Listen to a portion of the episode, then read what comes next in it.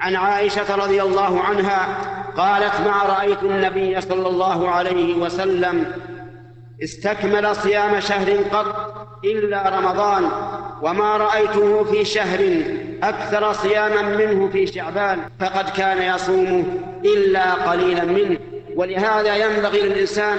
أن يكثر من الصوم في شعبان تأسيا برسول الله صلى الله عليه وسلم واحتسابا لثواب الله عز وجل. فإن الله يقول لقد كان لكم في رسول الله أسوة حسنة